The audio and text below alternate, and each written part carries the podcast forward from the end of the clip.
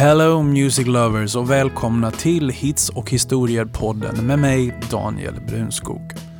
Podcasten som sedan början av juni ägnar tid och tankemöda åt att plocka ut tio stycken låtar från ett och samma år och sedan ger historierna kring låtarna och de artister eller grupper som framförde dem. Ibland är historierna kortare, ibland längre, men hits, det var de allihop. I detta avsnitt ska vi ta oss an ett år som betytt otroligt mycket för mig rent musikaliskt. Och det är av den enkla anledningen att det var detta år som jag på allvar började köpa musik. Singlar, LP-skivor och inte minst tidningen Okej OK, som var ett oundvikligt komplement till skivsamlingen.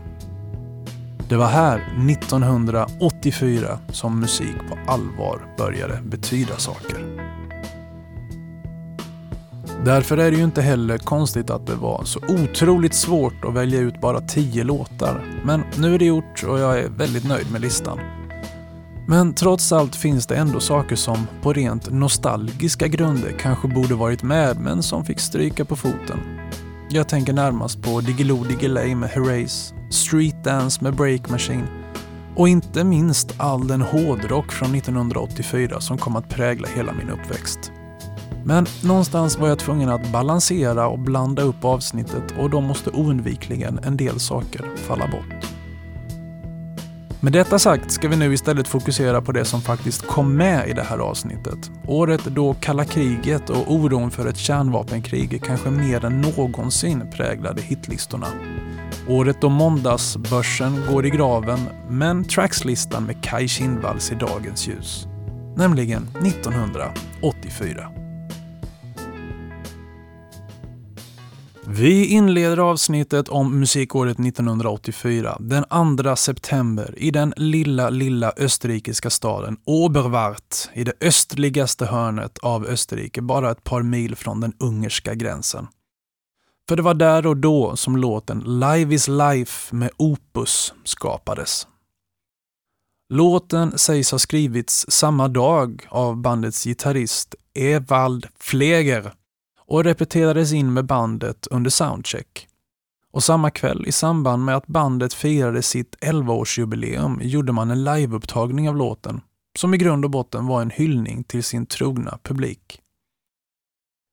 Och publiken gjorde i sin tur sitt bästa för att hjälpa till, men inspelningen var inte helt utan problem då rullbandet helt enkelt tog slut halvvägs igenom den första versionen och bandet och publiken fick köra låten igen så att man kunde spela in även den andra halvan och sen klippa ihop de två versionerna.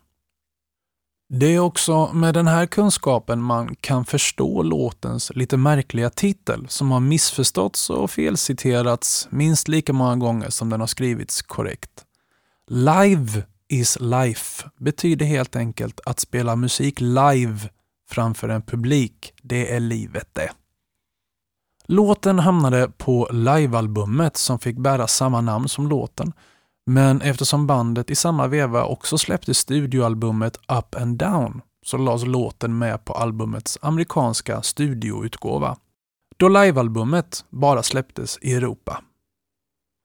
I början av 1985 släpptes låten som singel och flög omedelbart upp till toppen av den österrikiska hitlistan, där den sen spred sig vidare till Nederländerna, Västtyskland, Frankrike och sen upp till Sverige där den nådde den nystartade men ändå etablerade Trackslistan i april. Singeln såldes i över 20 miljoner exemplar världen över och har spelats in i mer än 30 officiellt släppta coverversioner. I september 2014 satte Opus och Live is Life nytt världsrekord då 6 000 statister i staden Kapfenberg deltog i skapandet av en 14 minuter lång musikvideo av låten som avslutades på torget i staden där gruppen och publiken höll igång en allsång som aldrig ville ta slut. Och det finns väl få hitlåtar som varit mer allsångsanpassade än Live is Life.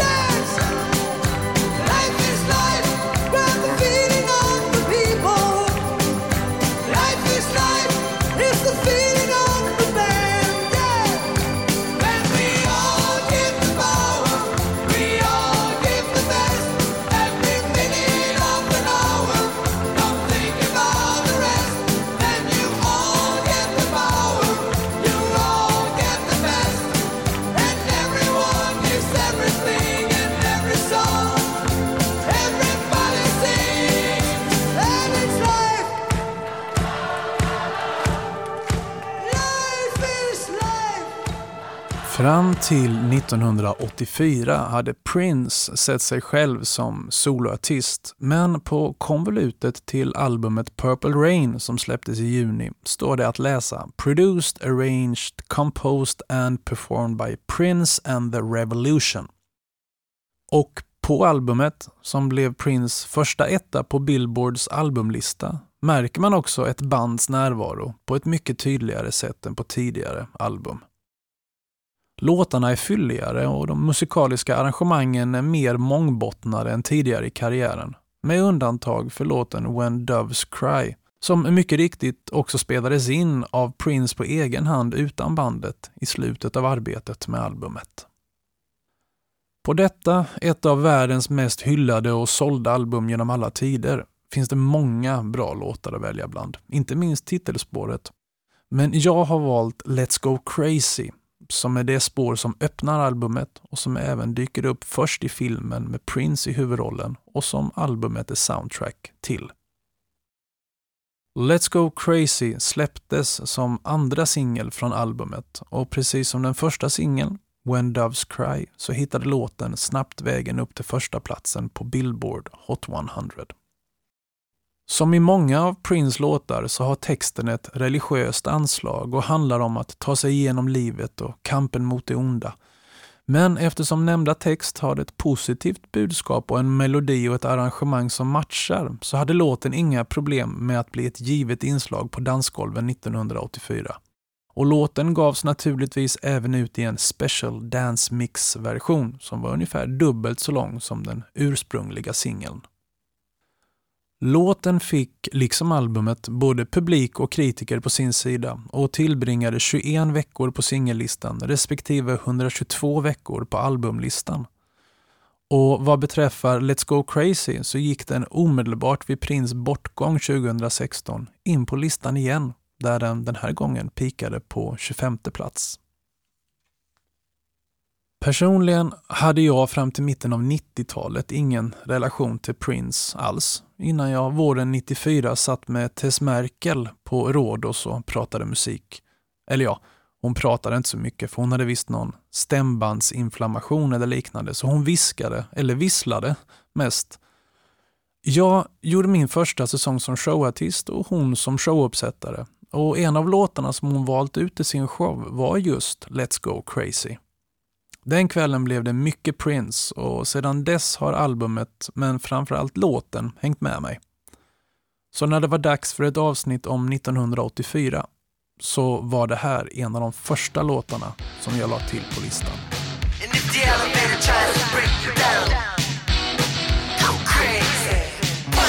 And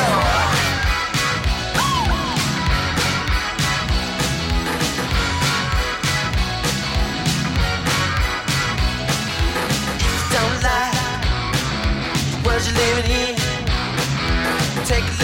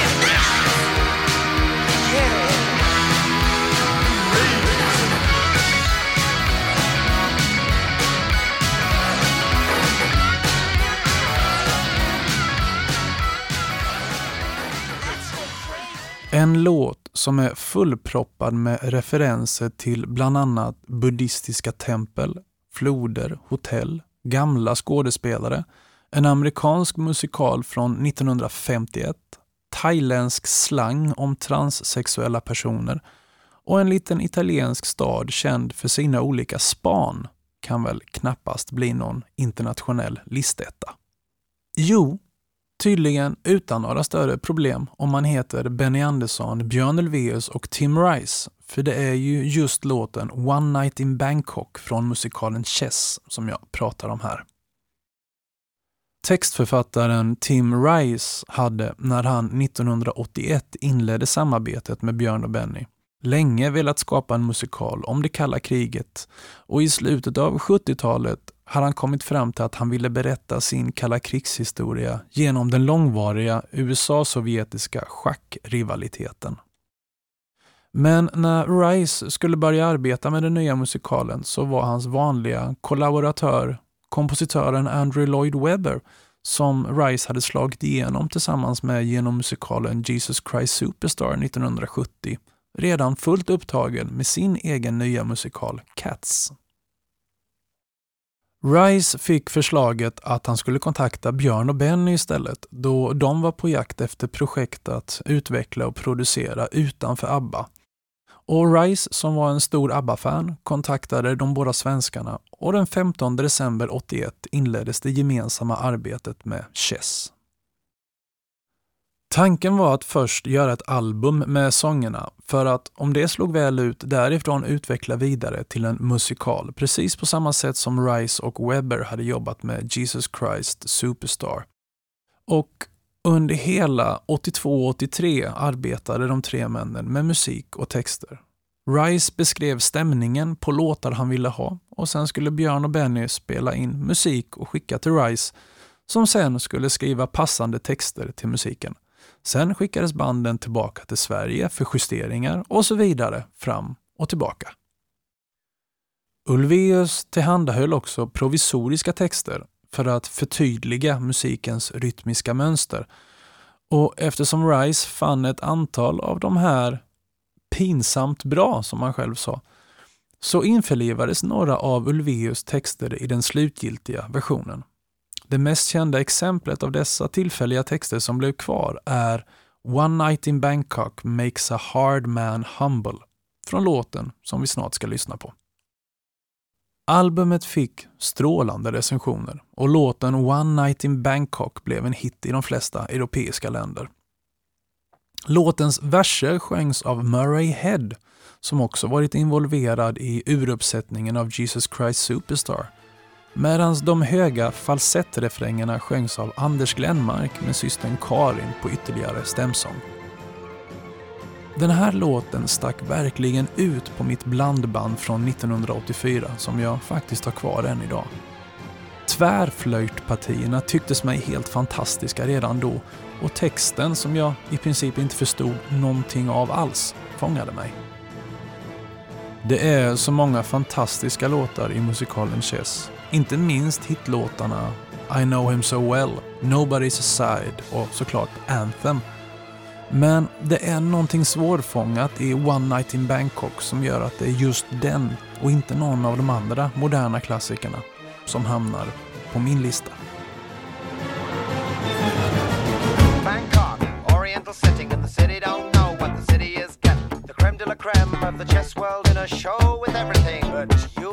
of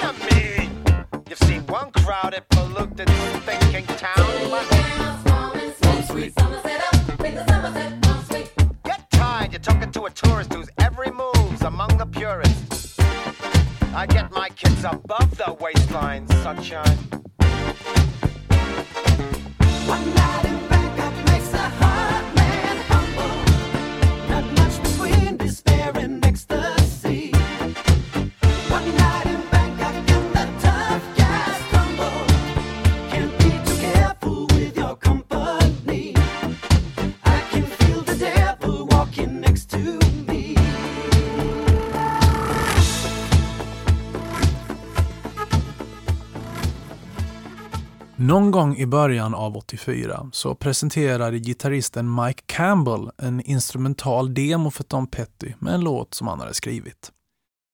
Campbell var en del av Tom Pettys kompgrupp The Heartbreakers och Petty höll på att jobba med sitt kommande album Southern Accents. Men tyckte, även om det lät bra, att det inte riktigt passade in bland det andra materialet som han jobbade med.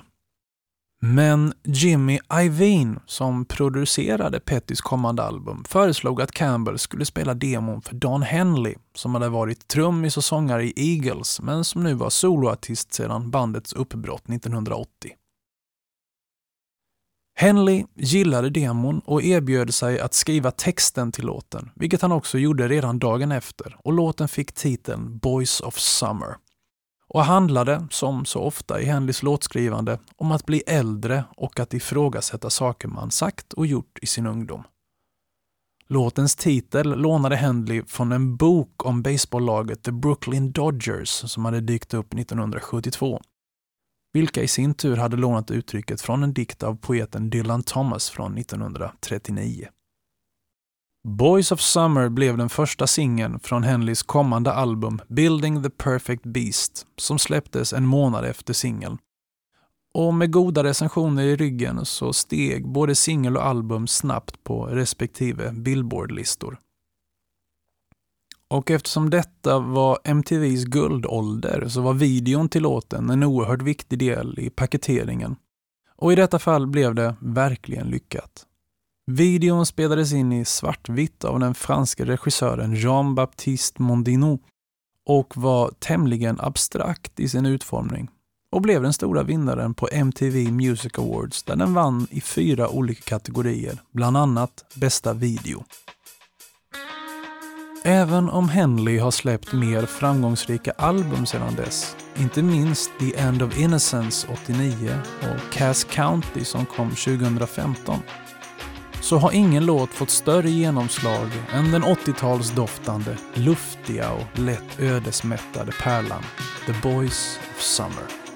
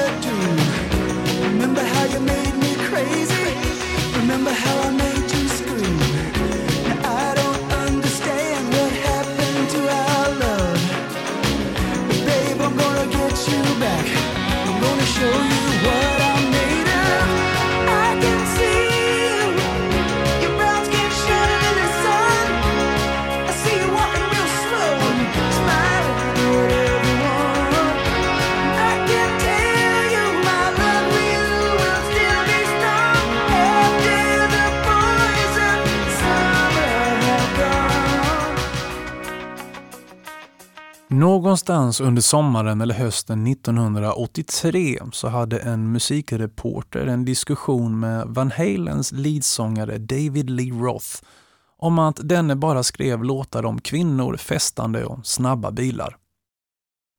Medan Roth kunde hålla med om de två förstnämnda så sa han att han faktiskt aldrig hade skrivit någon låt om en snabb bil, men att han såklart skulle göra det så snart som möjligt.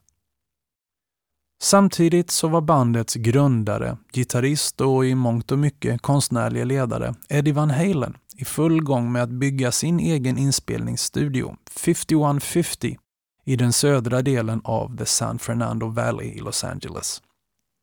Namnet 5150, som även skulle bli namnet på Van Halens album som kom 86, var polisens anropskod för försvunnen mentalpatient och syftet med den egna studion var att ta mer kreativ kontroll över framtida inspelningar. Inte minst genom att kunna tillbringa hur mycket tid som helst som man ville i studion. Medan studion byggdes upp så började Eddie Van Halen att leka lite med de keyboards han hade införskaffat och snart hade han hittat både ljud och riff till bandets kommande jättehit Jump. Som också kommer att bli den första singeln att släppas från albumet 1984 som kom i januari samma år som titeln antyder. Men det är ju inte Jump som vi ska ägna tid åt här, utan en låt som handlar om en bil och som kommer att bli den tredje singeln som släpptes från albumet, nämligen Panama. Hela bandet var involverade i arrangemanget av låten, men i huvudsak är det David Lee Roth som ligger bakom den. Framförallt texten, som fick sitt namn efter en racingbil som Roth hade sett på en tävling i Las Vegas och som hette Panama Express. Och som även hade fått ge namn åt hans egen bil, en gammal Opel Kadett. När texten var klar märkte han dock att den nog inte bara handlade om en bil utan också råkade handla om en strippa som han hade träffat en gång. Men ja, det var nära nog en billåt för att räknas. Som vanligt kan vi inte låta bli att ta in MTV-aspekten även här, då låten Panama var den första att komma undan med sponsrad produktplacering i en video. Jack Daniels gick helt enkelt in och betalade för en specialbyggd bas till bandets basist Michael Anthony. En bas som helt och hållet bestod av reklam för nämnda whisky. Whiskyn var redan genom bland andra Frank Sinatra och Keith Richards starkt förknippade med musikbranschen och även Anthony var känd för att på scen åtnjuta en shot eller två, eller fler också för den delen. Även om MTV var rasande över kuppen så kunde man ju inte gärna gå in och censurera en hel video med ett av världens vid tidpunkten hetaste rockband. Och snart var Jack Daniels obligatorisk konsumtion för alla rockband värda namnet. Personligen tycker jag att Panama är en lysande rocklåt med betydligt mer spännande musikaliskt innehåll än exempelvis Jump, som är albumets och bandets eviga signaturmelodi. Riffet och gitarrspelet överlag är lysande och en tydlig påminnelse om varför Eddie Van Halen var rock och popvärldens hetaste gitarrist under många år. David Lee Roth var under mitten av 80-talet en av rockens bästa frontfigurer innan han ballade ur fullständigt som soloartist. Och här är han hållen i lagom långt ledband. Sticket är enligt mig helt oöverträffad inom glamrocken och det helt otippade slutet är pricken över i. Och med detta sagt har vi ju inget annat val än att njuta av låten i sin helhet.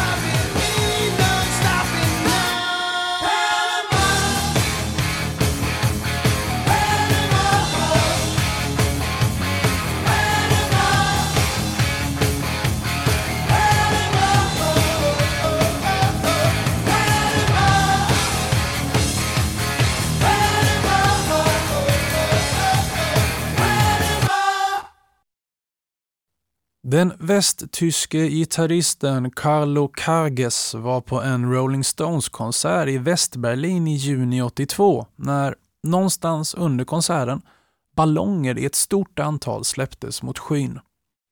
Medan han såg hur de antog formen av någon slags abstrakt rymdskepp slog tanken honom att undra vad som skulle hända om ballongerna fördes med vinden in över den sovjetiska delen av Berlin. Han kunde inte sluta att fundera över detta och efter konserten skrev han låttexten 99 Luftballons till det nybildade bandet Nena som han just hade anslutit till. Bara två månader senare slog Nena igenom, i princip över en natt, när man uppträdde i tv-sända Musikladen och singel Något Traumt klättrade snabbt upp till andra platsen på den västtyska singellistan. Det självbetitlade debutalbumet som skulle följa behövdes snabbt fyllas med låtar och nu kom Carlos text till användning och tonsattes av bandets keyboardist Ove Farenkrog Petersen. Men skivbolaget var inte imponerad av låten. Den placerades sist på albumets första sida och att släppa den som singel, det var det inte tal om. Låten var alldeles för spretig med tre distinkt olika delar. Den hade ett för långt intro och ett alldeles för tydligt politiskt budskap. Men bandet gav sig inte och 99 Luftballons slog omedelbart i Tyskland när den väl släpptes och strax efter hade grannländerna och resten av Europa hängt på. Men att en låt med tysk text skulle slå i England eller ännu mer otroligt i USA, det hade bandet inte en tanke på. Men nästan ett år senare, i Los Angeles, skulle det bli ändring på detta. Radioprataren Rodney Bingenheimer var känd för att plocka upp morgondagens stjärnor, inte minst europeiska, och framgångsrikt presentera dem för den amerikanska radiolyssnaren. När han genom ett besök av den unga tyska filmskaparen Christiane F får höra låten fastnar han direkt och spelar upp låten i sitt program. Omedelbart blir radiostationen nedringd med förfrågan om att spela låten igen. Och snart hade den nått Billboardlistans 67 plats som en importsingel, alltså utan att ens ha givits ut på ett skivbolag i USA. Och även om den amerikanska grenen av skivbolaget snart hade övertalat bandet om att spela in en engelskspråkig version, så var det den tyska som förblev den mest populära. Och det var också det tyska originalet som tog sig till toppen av Billboard Hot 100. När jag var 11 år 1984 så var det bland mina vänner en vana att om man fyllde år så ordnade man ett disco där man bodde och detta är en av de låtar som jag minns allra tydligast från den tiden. Dels hur svår den var att dansa till, eftersom den bytte tempo mest hela tiden. Och dels hur gärna jag ville att någon av tjejerna på gatan skulle vara lika söt som Nena.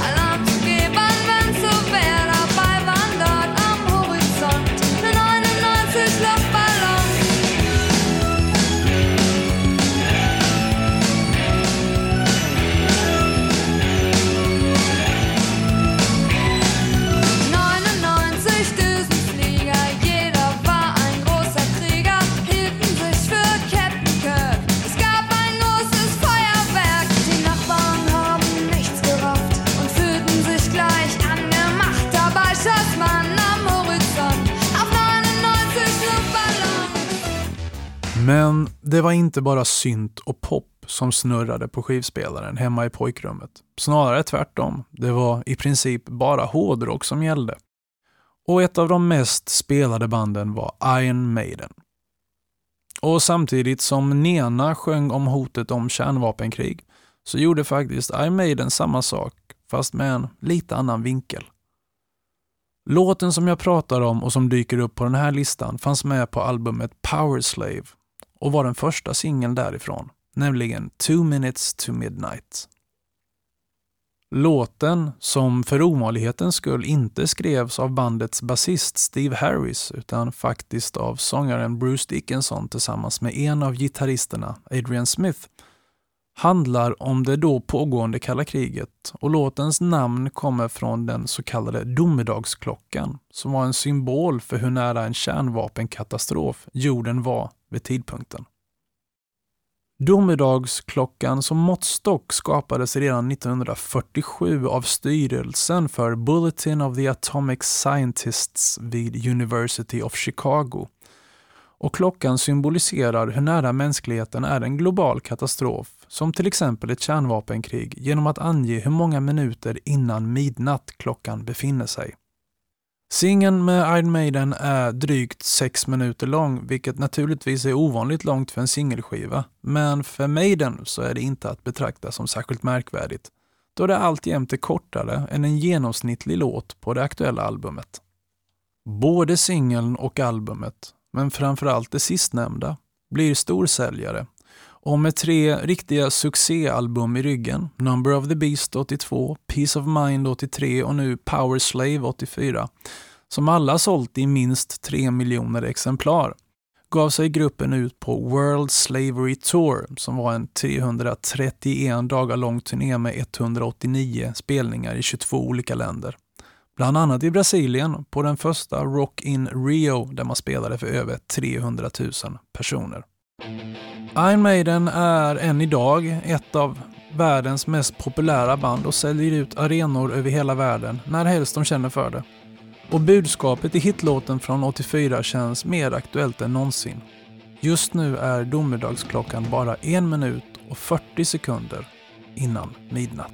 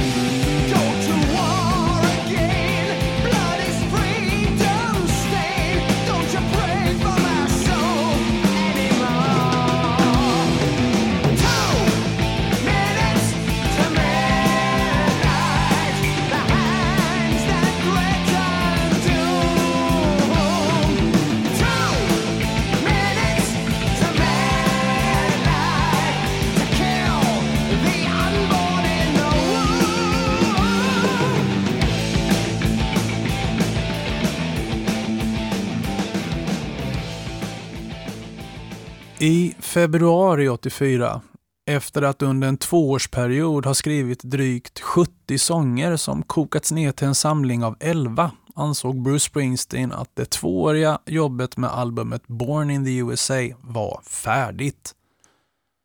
Därför tog han inte så lätt på synpunkten från mångårige vännen och medproducenten John Landau att albumet faktiskt behövde en singel.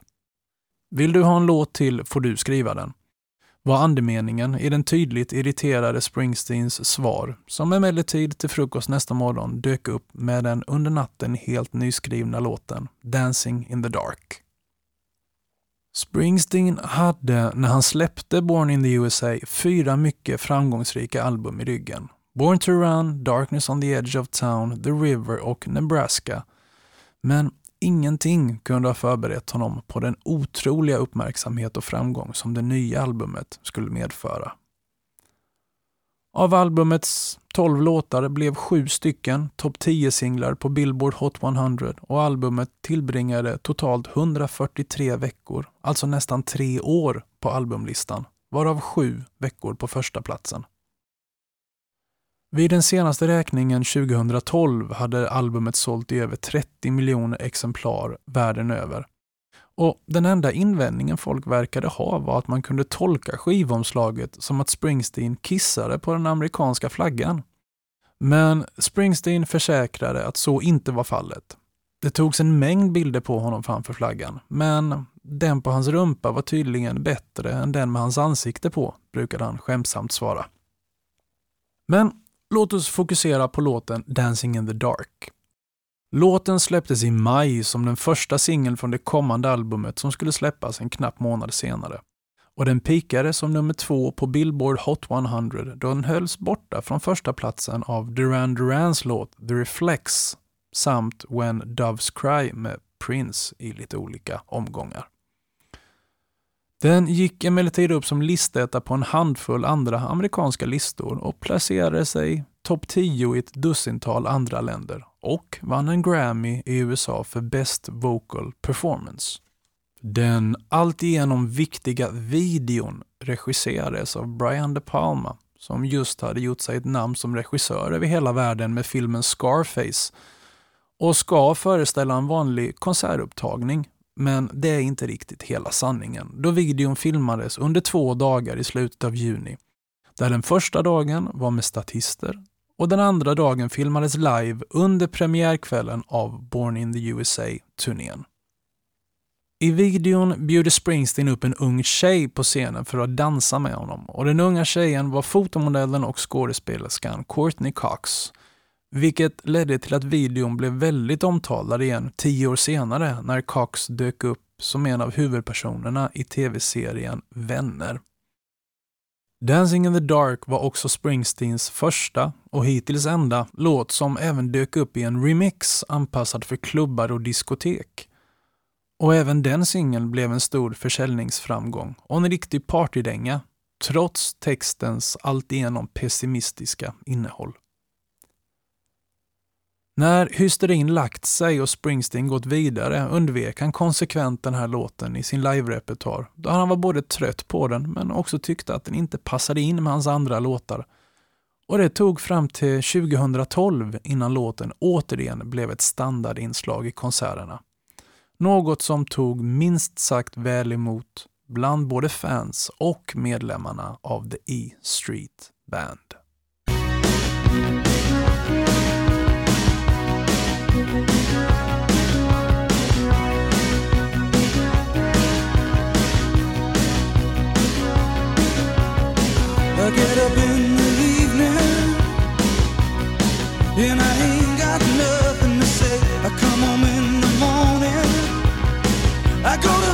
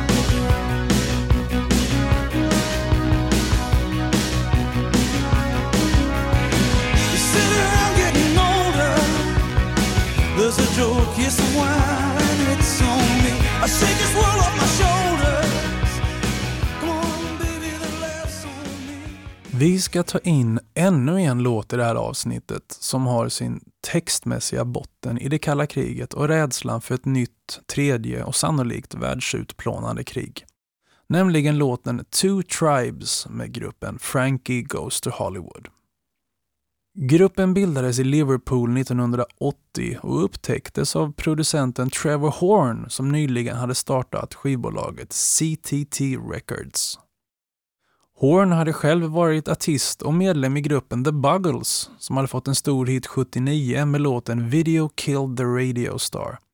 Och hans skivbolag CTT Records, som fortfarande är aktivt, kom även att producera artister som Roy Orbison, Seal och Lisa Stansfield. Men Frankie Goes to Hollywood var det första bandet på bolaget som gjorde avtryck på hitlistorna och det var minsann inget litet sådant. Först släppte gruppen megahitten Relax under hösten 83 och när den succén slutligen klingat av under sommaren 84 kom nästa singel. Och det är alltså den som vi ska prata om här, nämligen Two Tribes. Two Tribes var en väldigt tydlig antikrigssång lätt maskerad i en nihilistisk sarkastisk text som entusiastiskt resonerar kring ett kommande kärnvapenkrig. Låttiteln har sitt ursprung i repliken “When two great warrior tribes go to war” från filmen Mad Max 2 The Road Warrior som hade kommit 81. Och även om bandets sångare Holly Johnson hävdade i en radiointervju att Two Tribes kunde syfta på vilka krigsherrar som helst, så rådde det såklart ingen tvekan om att låtens text handlade om USA och Sovjetunionen. Och för att understryka detta så inleds låten med ett väldigt rysk-inspirerat intro som snart kraschar rakt in i en underbart funky basgång som doftar USA lång väg. Låten blev, liksom föregångaren Relax, en omedelbar hit och gick in på den brittiska topplistan direkt på första plats där den stannade i nio veckor och dessutom gav den nytt liv till Relax som snart intog andra platsen på listan bakom Two Tribes. Även om debutalbumet Welcome to the Pleasure Dome som kom under hösten blev den succé som alla vid det här laget förstod att den skulle bli, där även den klassiska 80-talsballaden The Power of Love finns med, så var inte allt bra i bandet. Och som så ofta var det inre stridigheter som avslutade karriären, vilket i detta fallet skedde 1987. Men 80-talstestamentet som Frankie Goes to Hollywood lämnade bakom sig duger mer än gott, även med dagens mått mätt. Och om Relax var den stora popsingeln så var Two Tribes bandets musikaliska mästerverk.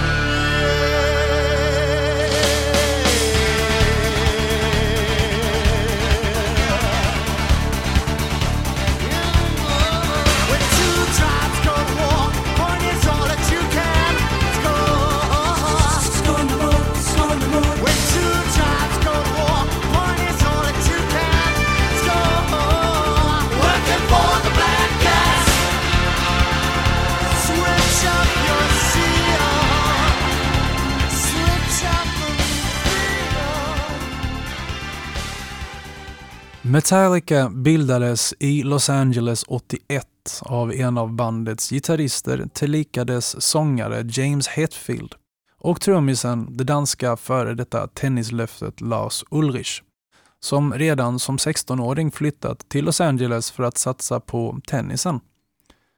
Nu blev det ju trummor istället och snart hade duon även knutit gitarristen och sångaren Dave Mustaine och basisten Ron McGovney till sig och tagit namnet Metallica efter ett förslag från en vän som brainstormade namn till en ny hårdrocksfanzine som han hade tänkt starta.